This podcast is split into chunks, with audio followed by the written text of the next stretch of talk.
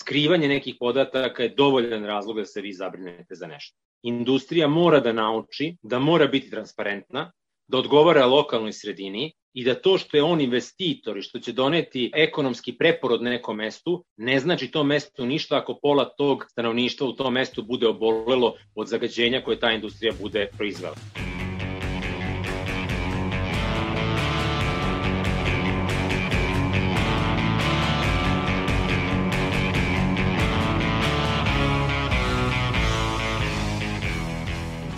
Slušate podcast Reaguj nezavisnog društva novinara Vojvodine.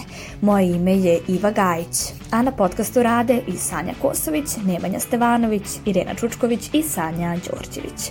U ovoj epizodi vodimo vas na jedno ne baš prijatno putovanje Vojvodinom. Posećivat ćemo mesta i ljude koji žive pored industrijskih postrojenja. Ovo putovanje omogućeno je vašim odgovorima na upitniku koje smo postavili na portalu Vojvođansko istraživačko analitičkog centra Voice.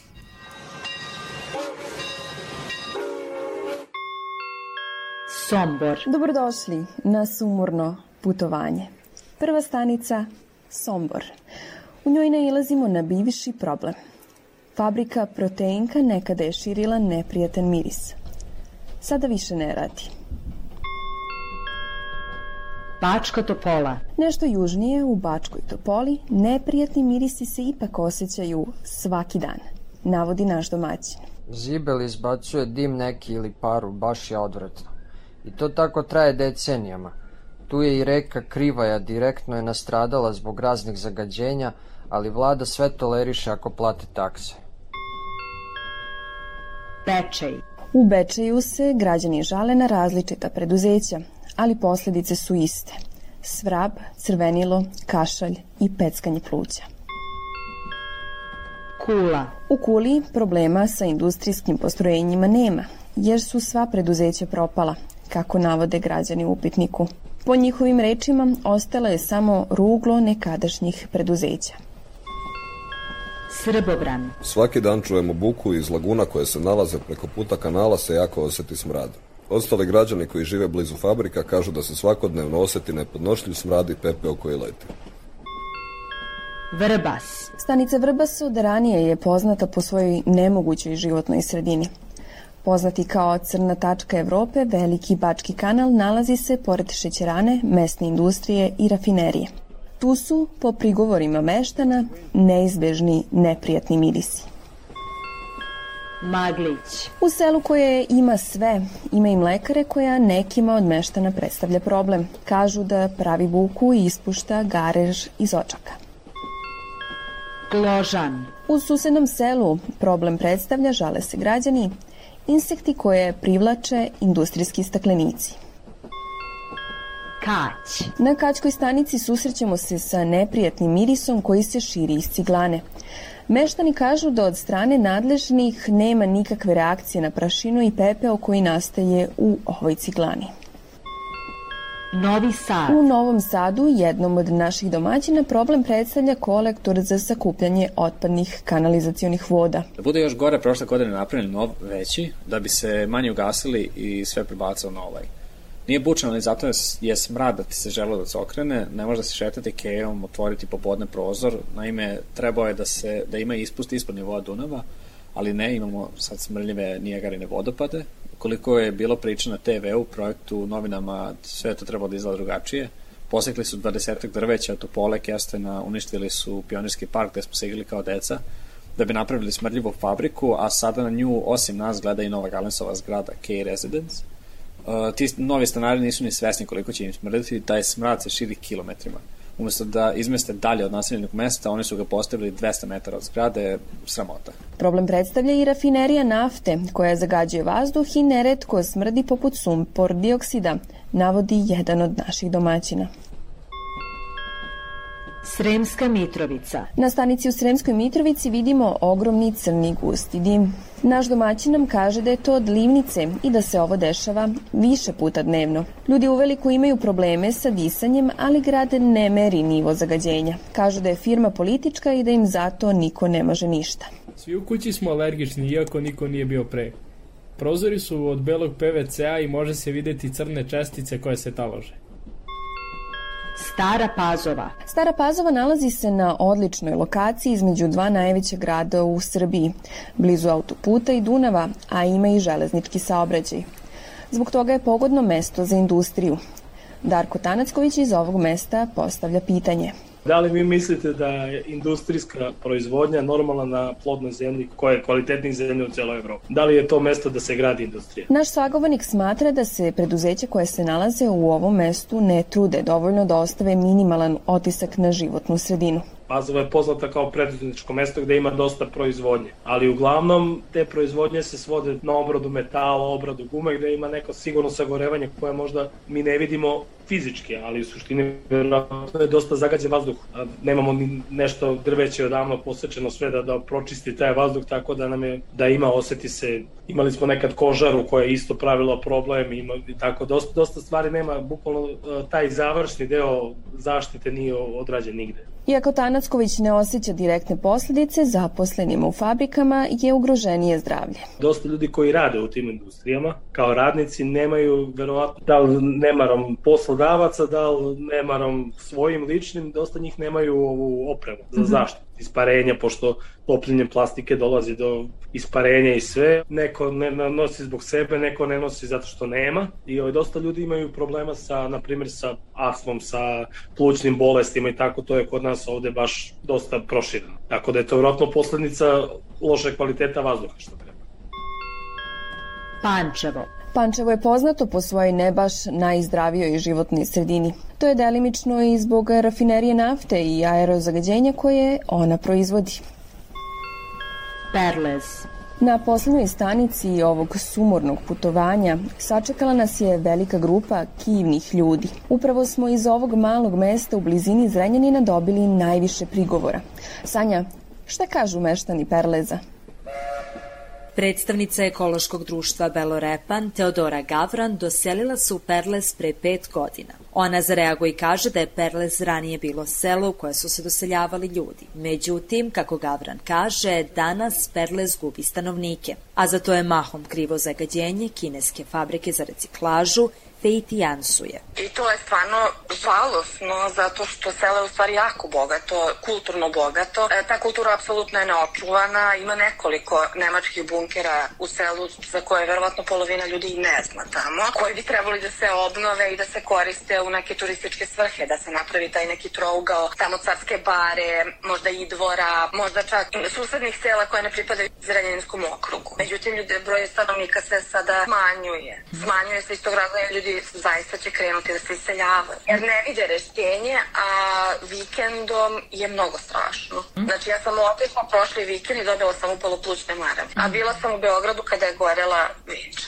Tako da je to zabrinjavajuće, vrlo zabrinjavajuće, a ja sam očekivala, čak i kada sam se selila pre pet godina, očekivala sam da će to selo narasti ponovo u opštinu, jer m, osim mojih prijatelja koji su isto tražili da kupe nešto, ljudi stalno dolaze i raspituju se jer je mnogo lepo selo. Mnogo, mnogo lepo selo. Ova kineska kompanija je 2018. godine preuzela pogone BG i Plasta. Od tada, kako meštani kažu, ne prestaje da pravi probleme. Od ukupno 42 odgovora na upitnik o lokalnim zagađivačima, čak 14 žalbi bilo je upravo na ovo preduzeće u Perlezu. Predstavnik nevladine organizacije Čuvari Perleza i meštani Novog sela Miroslav Kalanj objašnjava koje sve tačno probleme pravi ova fabrika za reciklažu vikendom se uglavnom osjećaju neprijatni mirisi, a radnim danima uglavnom ne. Pa smeta što postoji za kineske fabrike postoji e, kanal za odvodnjavanje i navodnjavanje u koji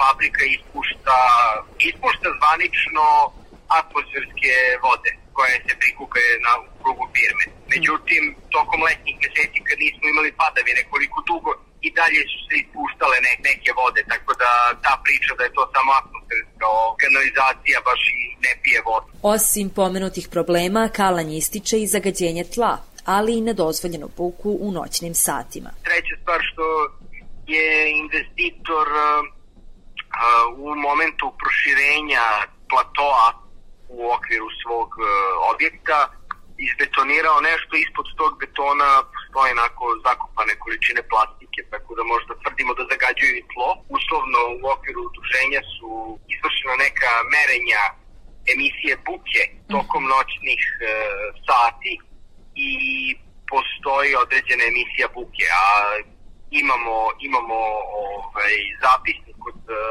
inspekcije koji smo dobili putem zahteva za informaciju od javnog značaja, je investitoru zabranjen za meje uh, u noćnim uh, satima. Znači od 10 do 6 investitor ne sme da uključi mlin, a eto, dešava se s vremena na vreme da se da je buka povećana, mi ne znamo da li to od mlina ili nije od mlina, ali jeste buka povećana, tako da mm -hmm. pretpostavljamo da, da ne poštuje baš sve, sve ovaj, propise i, i, i pravila koje su, koje su ovaj, važeće. Ova fabrika je već jednom ove godine bila zatvorena zbog pritiska javnosti i medija. Međutim, ona je ubrzo opet otvorena, a problemi su ostali. Teodora Gavran je zajedno sa uzbunjivačem Aleksandrom Nađ ujedno bila i u organizaciji protesta. Ona za reago i prepričava šta se dogodilo nakon toga. Pošto selo onako nije reagovalo prosto na, na uzbunjivača koga su imali, uh -huh. mi smo imali to zatvaranje, uspeli smo da ih zatvorimo sa inspekcijom zaštitu životne sredine,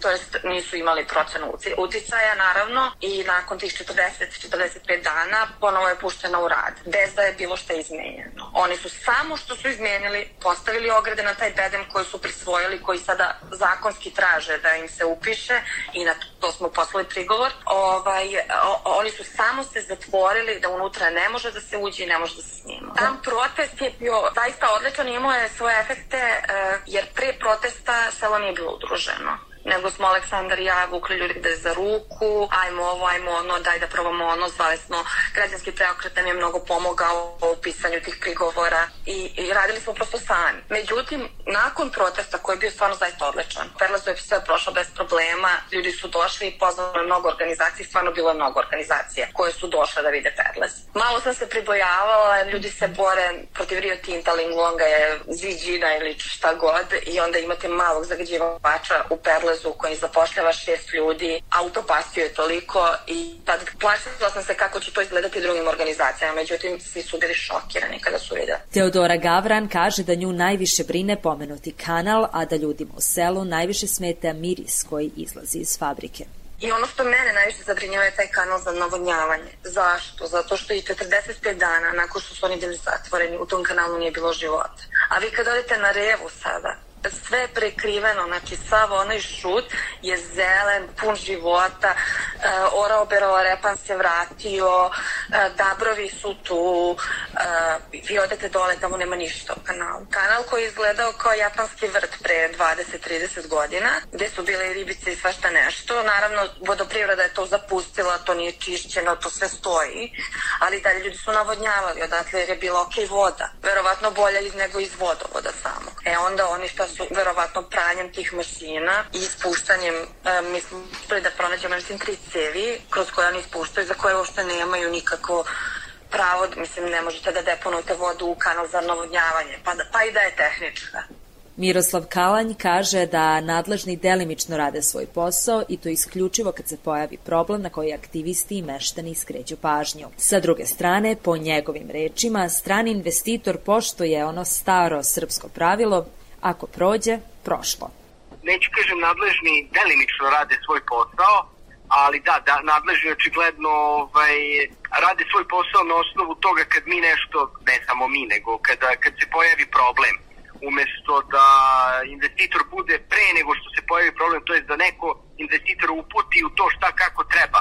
Znači, očigledno, on, došli smo u situaciju da investitor radi kako njemu odgovara, i onda u momentu kad se pojavi problem, onda će nešto da se modifikuje. Znate, on sad, znači u tom nekom odgovoru koji smo dobili od baš od investitora, on je sad postavio separator uh, za ulja za tu vodu koja, ko, koja se ispušta u kanal. A taj separator je bio obavezan da postavi onog momenta kad je počeo da radi ovaj, da, da, da, da radi u okviru, u okviru ovaj, naseljenog mesta. Znači, isto kako ovaj, je kasnije postavljao neke filtere za vazduh, pa je kasnije prestao da radi noću kad mu inspektor naložio. Znači, bukvalno ono, ovaj, po, uh, jeste strani investitor, ali poštuje srpsko pravilo, ako prođe, prođe, pa kad ne prođe, onda ovaj, nešto menja. Kalanj ističe da iza zagađenja stoji profit. Po pitanju kanala, on napominje da svaki meštanin Perleza plaća javnom preduzeću Vode Vojvodine taksu za odvodnjavanje i to ne malu cifru. Ono što oni zagađuju, na taj način upiraju veći, ve, veći profit, jel? -hmm. Ako nećete da zagađujete, vi morate da investirate u nešto što je prečistač, što je filter, što je separator. Ako ne, investira, ne investirate u to, to znači da ste vi taj novac zadržali za sebe. I još jedna jako bitna stvar, znači konkretno taj kanal za navodnjavanje i odvodnjavanje. Svaki meštanin plaća taksu javnom vodoprivrednom preduzeću Vojvodine vode koja se zove taksa za odvodnjavanje.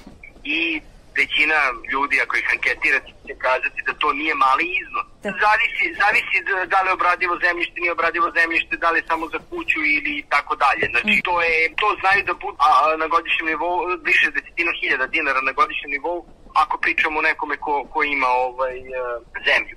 Ali je poenta, poenta je u tome baš da ovaj, to neko plaća. I taj neko ko to plaća, od tih para će se očistiti taj kanal neće se očistiti od para koje investitor nije dao. Iz dosadašnjih primera shvatili smo zašto je teško živeti pored industrijskih postrojenja. Ono što je važno jeste da ova postrojenja obezbede određene mere zaštite životne sredine, ističe Igor Jezdimirović iz Udruženja inženjeri zaštite životne sredine. Život pored industrijskih postrojenja naravno da je uvek izazovan, pre svega zato što se oslanja na nekoliko sistema regulisanja zagađenja koje može eventualno tog industrijskog postrojenja da ugrozi ljude koji se nalaze u njegovoj blizini. Ono što imamo situaciju da bi trebalo da funkcioniše jeste da je svako industrijsko postrojenje sprem dozvole za rad i mogućeg uticaja na životnu sredinu neophodno da primeni određene mere zaštite životne sredine i da redovno radi merenja emisija određenih zagađujućih substanci u zavisnosti od toga kakav im je sam proizvodni proces i ono što se može iz tog proizvodnog procesa javiti. Sa druge strane, lokalne samouprave, pokrajine Republika imaju obavezu da mere emisije samoga zagađenja. Industrijska postrojenja ne smeju da pređu dozvoljenu koncentraciju štetnih materija koje izbacuju u životnu sredinu kako joj ne bi i naštetili. Sve to zavisi pre svega od maksimalno dozvoljenih koncentracija, koje se smatraju da dogod smo ispod tih maksimalno dozvoljenih koncentracija sa zagađujućim materijama, one nemaju štetan efekat na zdravlje ljudi. Kada se one prekorače, u zavisnosti od perioda prekoračenja, tačnije vremenskog okvira, one imaju posledice na zdravlje, znači zavisno od toga koliko smo dugo izloženi zagađujućim materijama, koje su iznad te maksimalno dozvoljene koncentracije i naravno u zavisnosti koje su u pitanju zagađujuće materije. Zašto industrijska postrojenja ne poštuju propisane mere, već se odlučuju da plate kaznu? Tako jeftinije prolaze, a sve dok se to ne promeni neće se ni zaustaviti zagađivanje, ističe Jezdimirović ono što bi trebalo da bude izmena koja treba da se desi jeste da se prvo država obaveže i počne da radi svoj posao, u onom smislu da možemo da se puzdamo u podatke koje dobijamo, s druge strane da se maksimalno dozvoljene koncentracije poštre, tačnije da se usklade sa onim maksimalno dozvoljenim koncentracijama koje važe u Evropskoj uniji. I treće jeste naravno da oni koji ne ispoštuju maksimalno dozvoljene koncentracije, koji budu proizveli zagađenje, za to moraju debelo da plate, da im to nikada više ne padne. Dogod živimo u sistemu da je vama jeftinije da zagađujete i plaćate kazne, umesto da ulažete u zaštitu životne sredine, bojim se da imamo ozbiljan konflikt između industrije sa jedne strane i sa druge strane ljudi koji se nalaze u neposrednoj blizini ili trpe generalno eventualno zagađenje koje može nastati. Propisi kada je u pitanju gradnje industrijskih postrojenja u blizini naselja ne postoje. Profesor Slobodan Milutinović sa Fakulteta zaštite na radu Univerziteta u Nišu za podcast reaguje i pojašnjava da je ipak nemoguće napraviti jedinstvene zakonske i strukovne okvire, jer kako nisu sva industrijska postrojenja ista, tako ni propisi ne mogu biti. Svako industrijsko postrojenje se zastiva na tehnologiji koja je različita, imate industrijska postrojenja koja nemaju neka, neke velike posledice, odnosno utice na životnu sredinu, s druge strane mnogo je njih koji imaju i jedini način da se reguliše ta udaljenost e, u urbanističkom smislu je da se e, kroz procenu uticaja na životnu sredinu koja bi obuhvatila i procenu uticaja eventualnih e, hazarda, odnosno havarija na tom postrojenju, da se kroz takvu procenu definiše ta minimalna udaljenost. A to ne možemo staviti u neku, neki zakon ili podzakonska akta jer ima mnogo različitih tehnologija i industrijskih postrojenja. Kada reč o problemima sa zakonima, sagovnik podcasta Reaguj navodi da je sa njima sve u redu i da su usklađeni sa evropskim zakonodavstvom. Mi smo našu zakonsku regulativu uskladili sa e, primarima dobre prakse i naši, naše, naši zakoni koji regulišu kako strateški procene uticaja na životnu sredinu, tako i procene uticaja recimo industrijskih postrojenja koje, koji se planiraju ili grade, e, naši zakoni su potpuno adekvatni evropskim zakonima. Problem je samo u primjeni tih zakona. Međutim, ističe Milutinović, najveći problem sa primjenom zakona jeste kada je reč o proceni uticaja.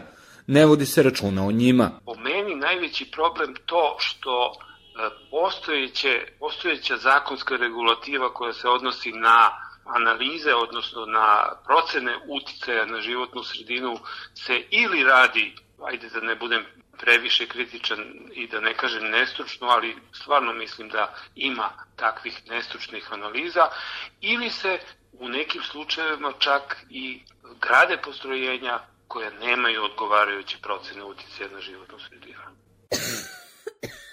A šta o uticaju zagađenog vazduha na zdravlje ljudi kažu lekari? Kako prenosi portal drvelicki.com, 9 od 10 ljudi širom sveta udiše zagađeni vazduh. Prema nedavnom izveštaju Svetske zdravstvene organizacije, više od 20% svih smrtnih slučajeva od kardiovaskularnih bolesti uzrokovano je zagađenjem vazduha. Kako navodi ovaj portal, Američko udruženje za srce je prvo dalo preporuke za ponašanje stanovništva u situacijama kada postoji zagađenje vazduha. To je bio prvi signal da zagađenje vazduha ne oštećuje samo respiratorni sistem, kao što se to uobičajeno misli, već da ispoljava i dejstvo na srce i krvne sudove. To potvrđuju mnogobrojne studije širom sveta kao istraživanja u našoj zemlji. Portal Balkan Green Energy News takođe prenosi podatak da dugotrajna izloženost zagađenom vazduhu može izazvati ili pogoršati ishemijsku bolest srca, moždani udar, karcinom pluća, kao i respiratorne oboljenja poput astme i hronične obstruktivne bolesti pluća. Ona takođe slabi imunni sistem i smanjuje otpornost na infekcije. Aerozagađenje povećava i rizik od upale pluća i odgovorno je za smrt skoro milion dece mlađe od 5 godina svake godine. Deca i stari, kao i ljudi sa postojećim oboljenjima, podložniji su negativnim efektima zagađenja vazduha nego druge kategorije stanovništva. Portal greenhome.me piše da jedna veća termoelektrana na ugalj emituje nekoliko hiljada tona opasnih zagađivača vazduha svake godine i ima prosečan radni vek od najmanje 40 godina. Izgradnja novih termoelektrana na ugalj značila bi da će opasne emisije trajati još dugi niz godina. Emisije iz termoelektrana na ugalj u Evropi znatno doprinose bolesti ljudi zbog ekološkog zagađenja. Balkan Green Energy News prenosi da zagađenje vazduha povećava rizik od mnogih bolesti koje, sa druge strane, predstavljaju povećan rizik od teškog ishoda kod oboljenja COVID-19 a studije koje su do sada sprovedene pokazale su korelaciju između zagađenja vazduha i smrtnih ishoda kod COVID-19.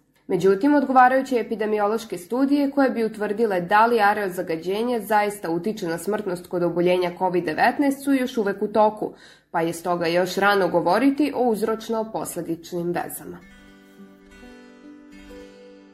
Ali kako ovaj problem promeniti i rešiti ga? Tokom prethodne godine organizovano je mnogo ekoloških protesta, a Jezdimirović smatra da su oni ključni za promene. Protesti su ključna stvar. Protesti predstavljaju otvoreni bunt naroda protiv nečega s čime se ne slažu. Jedini koji mogu da promene jeste lokalno stanovništvo koje ne želi određene stvari. Bilo bi jako lepo i to bi bilo prava stvar kada bi ti protesti bili utemeljeni u određenim podacima i određenim informacijama koje imaju i kada bi onda protest imao realnu osnovu. Veliki deo naših protesta ima realnu osnovu iz prostog razloga, jer nepostojanje podataka je dovoljan razlog da se vi zabrinete za nešto. Skrivanje nekih podataka je dovoljan razlog da se vi zabrinete za nešto. Industrija mora da nauči da mora biti transparentna, da odgovara lokalnoj sredini i da to što je on investitor i što će doneti ekonomski preporod nekom mestu, ne znači to mesto ništa ako pola tog stanovništva u tom mestu bude obolelo od zagađenja koje ta industrija bude proizvela. Ipak za sada nije bilo zelenih pomaka od strane države. Ja se bojim da osim deklarativnih pomaka, u smislu, eto kako se sada, ne znam, ekološki protesti zloupotrebljavaju ovo ili ono, nije bilo nekih vidnih pomaka. Za pomake u životnoj sredini, kao i sami problemi u životnoj sredini, oni nastaju preko noći, ne mogu se rešiti preko noći, ali bojim se da zadnje način donošenja programa upravljanja otpadom u Srbiji, koji je kao da je namerno pravljen bez nekih želja za šire uključenje zajednice, s druge strane, zagađenje koje mi dalje trpimo po pitanju zagađenja vazduha, koji dalje nije neka tema o kojoj pričamo. Deklarativni pomaci u određenim oblastima životne sredine pokazuju da država i dalje nije uzela ozbiljno da se bavi temom životne sredine i da ono što možemo da vidimo kod naših donosioca odluka je da se životnom sredinom brinu samo u onom smislu nemoj da bude akcident ili eskalacija tog zagađenja u mom mandatu. Šta će biti za 5 do 10 godina je nažalost još uvek daleko za njih. Pomaci određeni postoje, planirana su određena i krenulo se u izgradnje određenih postrojenja za prečišćavanje otpadnih voda, što je jako dobro. Pomaci postoji u tom delu koji se tiče upravljanja otpadom gde su najavljeni ti reciklažni centri, ali to je još sve na jako dugačkom štapu. Nedovoljna participacija građana i izbegavanje konsultacije sa strukom, navodi profesor Milutinović, jesu na kraju krajeva poslednji problem, a upravo struka i građani treba da imaju poslednju reč, smatra on sve što se radi, ili bar većina onoga što se radi, radi se na neki način u uskim krugovima, ne konsultujući građane i ne uvažavajući primetbe koje, koje, koje građani i druge ciljne grupe, uključujući i, i, i stručnu zajednicu, e, imaju na te planove urbanističke ili prostorne planove koji, koji regulišu na kraju krajeva ovu materiju. Teodora Gavran kaže da je jedini cilj Perležana i organizacija da se zaustavi zagađenje, te da oni nemaju nikakav drugi problem sa investitorima. Zaista nemamo ništa sa stranim investitorom ili bilo kom e, privatnom firmom koja se bavi bilo čim. Naš problem je samo zagađenje. A zagađenje koje oni prave, oni to rade zato što prosto im je dozvoljeno. I oni će to raditi dok god ova država i ova administracija koja postoji trenutno njima to dozvoljava. Ako se na uzbunjivače ne reaguje, ako se se na aktiviste ne reaguje. Znači mora da se meni sistem. I nama je to svima jasno, apsolutno svima je jasno. Ono što su naši zahtevi bili je da se, zašto je, zašto je Katanac bio sa njihove strane kad su bili zatvoreni, a ne sa naše, mi smo i zatvoreni. Zašto nije bilo istaknuto rešenje uh, o zatvaranju fabrike da vidimo na osnovu čega su ih zatvorili kao bilo gde drugo što se radi? Zašto su SNS automobili izlazili iz fabrike onog momenta kad smo mi njih zatvorili pa smo mi otišli svi, onda su oni polako svi ot otučali kapiju i izašli svojim skupim automobilima napolje. Znači tražimo papire na sto da vidimo kakav je proces proizvodnje, da znamo čime nas zagađuju, pa ako ne znaju sami šta bi radili, mi bi im dali slob preporuku besplatno. Jezdimirović ističe da ne možemo biti protiv svakog industrijskog postrojenja, jer postoje investitori koji vode računa o životnoj sredini. Ipak, tamo gde nema dovoljno informacija, u redu je usprotiviti se, jer je transparentnost ključna. Jezdimirović naglašava da uz dobre mere život pored industrijskih postrojenja može biti sasvim u redu, a kao primere dobre prakse navodi dva evropska grada život pored industrijskih postrojenja može biti nešto što je normalna stvar ako posmatramo situaciju koju imamo u nekim prestonicama Evrope, kao što recimo Beč koji ima četiri spalionice, od kojih je jedna u, bukvalno u samom centru grada.